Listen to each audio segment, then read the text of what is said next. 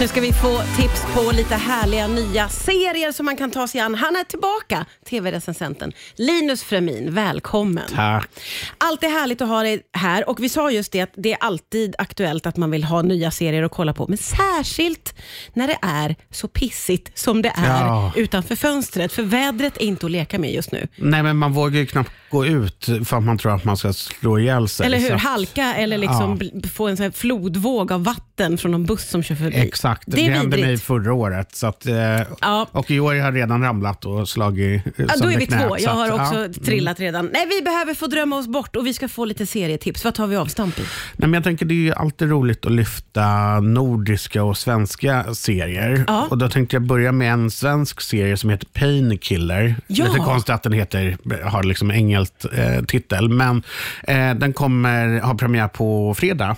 Eh, och Det är Gabriella Pichler som ligger bakom och hon regisserar ju en film som heter Äta, sova, dö för typ tio år sedan som fick jättemånga guldbaggar. Och nu gör hon liksom tv-seriedebut och det här handlar då om eh, en mamma och dotter. Eh, mamman är liksom från Balkan, har jobbat som städare hela livet, är nu pensionerad och eh, eh, ja, gillar att liksom stå på balkongen och röka. Den sortens morsa. Liksom. Eh, Hålla lite koll. Ja, och så har hon liksom en dotter som ja, är väl eh, runt 30 som har eh, eh, åtta års universitetsstudier och är en ganska hyllad konstnär. Eh, men bor fortfarande hemma hos mamma. Eh, så att det är liksom två världar som möts. Liksom morsan som eh, har slitit sönder kroppen hela Ja. livet. Det här att liksom förverkliga sig själv fattar inte hon vad fan det är. Nej, nej. Och så har hon en dotter som liksom bara ägnar sig åt det och vara konstnär och liksom göra massor med konstiga installationer. Ja. Och Det som är själva premissen här är ju då att dottern får för sig att hon liksom ska hjälpa sin mamma att bli av med den här kroniska smärta som hon går runt med genom att dra in henne i sitt konstprojekt. Ja, ja, ja. Och Det här låter ju väldigt konstigt, men det är väldigt roligt och egensinnigt och varmt. För det Ja. är en väldigt fin skildrad liksom, mor och dotterrelation som jag tror faktiskt ganska många kan känna igen sig i, även om det här är tillspetsat och ganska egensinnigt. Ja. Eh, och det, jag tycker det är roligt att se de här liksom, världarna möts.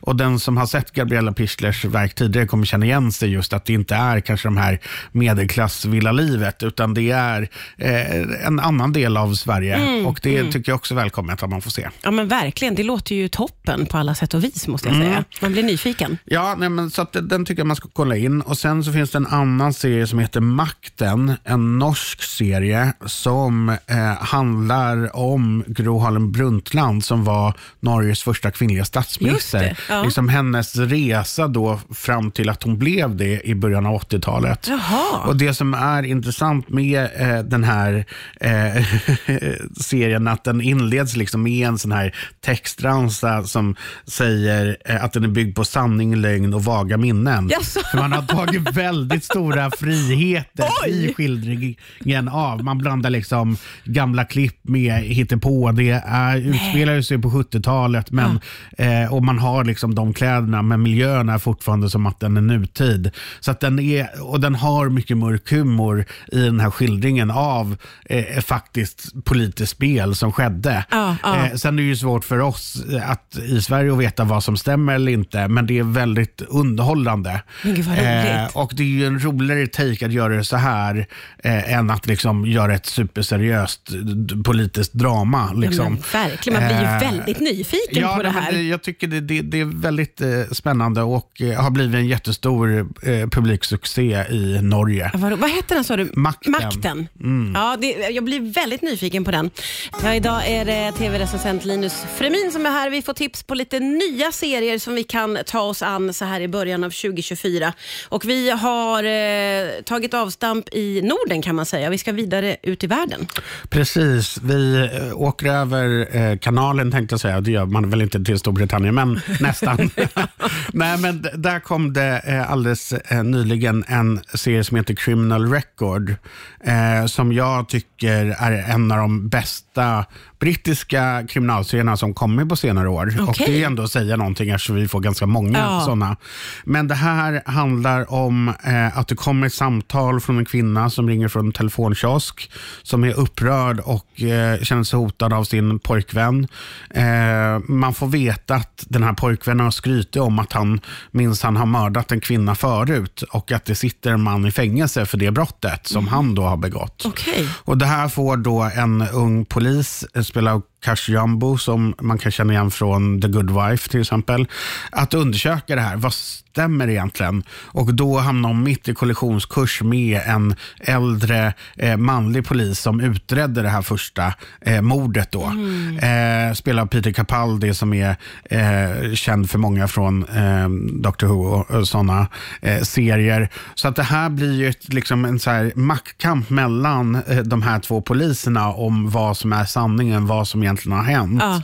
Och det är så välgjort och välskrivet och spännande Ja. eh, att man, man sitter på helspänn liksom genom hela serien. Oj. Och eh, lyfte också så här viktiga frågor som handlar om ja, men rasism, handlar om liksom polisens ehm, eh, makt eh, och också liksom, och leker med de här frågorna. Leker, men man vet inte riktigt vad man har av karaktärerna. Nej, okej. Är de goda eller onda? Ja, det ja. vet man inte förrän i slutet. Ja, spännande. Att otroligt, den som gillar brittisk krim måste kolla in Criminal Record. Ja, bästa på flera år var ju ganska gott betyg Ja men får man säga. faktiskt. Nej, men Ja. jag, jag kände att här stämmer allting. Oftast är det så här, man tänker ja men det är nästan där. Här tyckte jag att det liksom stämde Mm, ända in roligt. i mål faktiskt. Ja, underbart. Eh, sen en annan, helt annan serie eh, som jag ändå måste lyfta är en amerikansk som heter The Curse. Hört talas om den? Nej. Nej, men det är ju med Emma Stone som har vunnit eh, Ja, ja, ja. Oscars, blev nominerad idag för eh, en, en till prestation. Eh, och Det här tycker jag är en rolig premiss, för det handlar egentligen om, vi känner alla till såna här du vet, renoverings-reality-shower Mm. som liksom ska komma och hjälpa några stackars människor. Och, och Det här är ett, handlar om det, ett par, gift par som liksom ska göra det för fattiga f- familjer i New Mexico. Eh, och Det skildrar egentligen ja, men hur de gör det fast de kanske inte har de bästa intentionerna fast ah. låtsas som det. Så att det är liksom en, en, en satir och väldigt mycket mörk humor i skildrandet av det här paret som försöker liksom hålla uppe fasaden eh, men där det kanske inte går så bra. Okej. Eh, och det är väldigt annorlunda och skruvat och eh, det sista avsnittet där bland det konstigaste man kan se i år. Men på ett bra sätt. Ja. Så att det är en sån här serie som är eh, bananas, Ja. eh, men ändå är eh, med Emma Stone i hög form som är eh, du vet, så bra på både komik och det här lite såriga som kan ligga bakom liksom, Ja, den här ja. fasaden.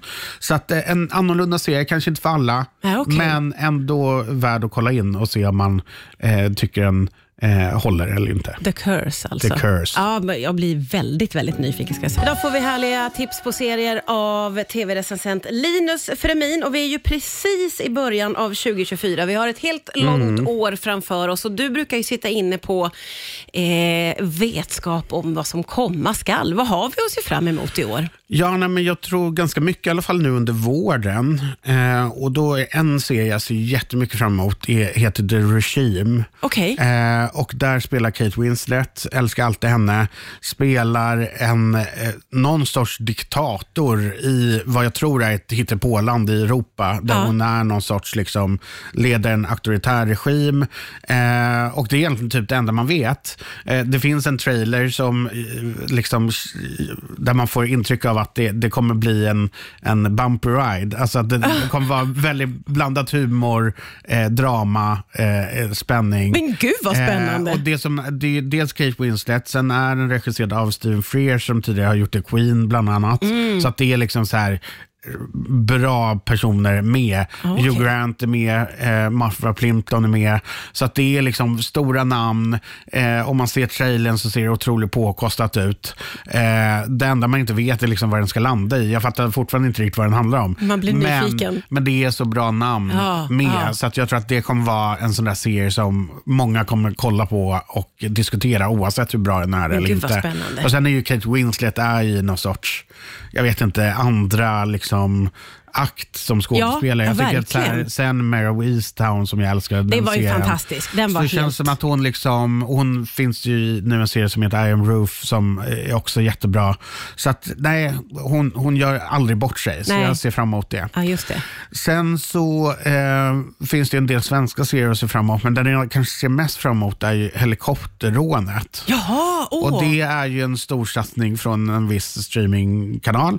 Eh, som, eh, där Daniel Espinosa som gjorde Snabba Cash-filmerna och eh, allt det eh, står för regin. Eh, Ronny Sandahl som tidigare skrivit Tigrar står för manuset. Jaha. Och Det handlar ju då om det, det väldigt kända helikopterrånet Ja. som skedde, var väl 2009 tror jag. Ja, det var det kanske. Som blev så otroligt omskrivet. Ja. Där det, liksom man, man, det var ett rån med en helikopter. Ja, ja, ja, det var ju väldigt spektakulärt Det var från början väldigt till slut. spektakulärt och Ja. Det som är intressant är ju att det är väldigt många som har försökt göra den här storyn tydligen. Bland annat var Jake Gyllenhaal, eh, Hollywoodskådisen, hans produktionsbolag vill göra det en gång i tiden. Jaha. Men nu så eh, är det inte det där det hamnar utan nu är det liksom svenska Okej. eh, giganter då eh, bakom spakarna. Så att det här känns som, och jag tror att de spelar in eh, as we speak just ja, nu. ja, okej. Så vi får se om den hinner komma under året. Men Ja. jag tror att det kommer bli en av de stora svenska serierna. Ja, det ser man ju väldigt mycket fram emot faktiskt. Gud vad spännande. Mycket att se fram emot och Mm. alltid lika trevligt att få träffa dig. Tack snälla Linus Fremin för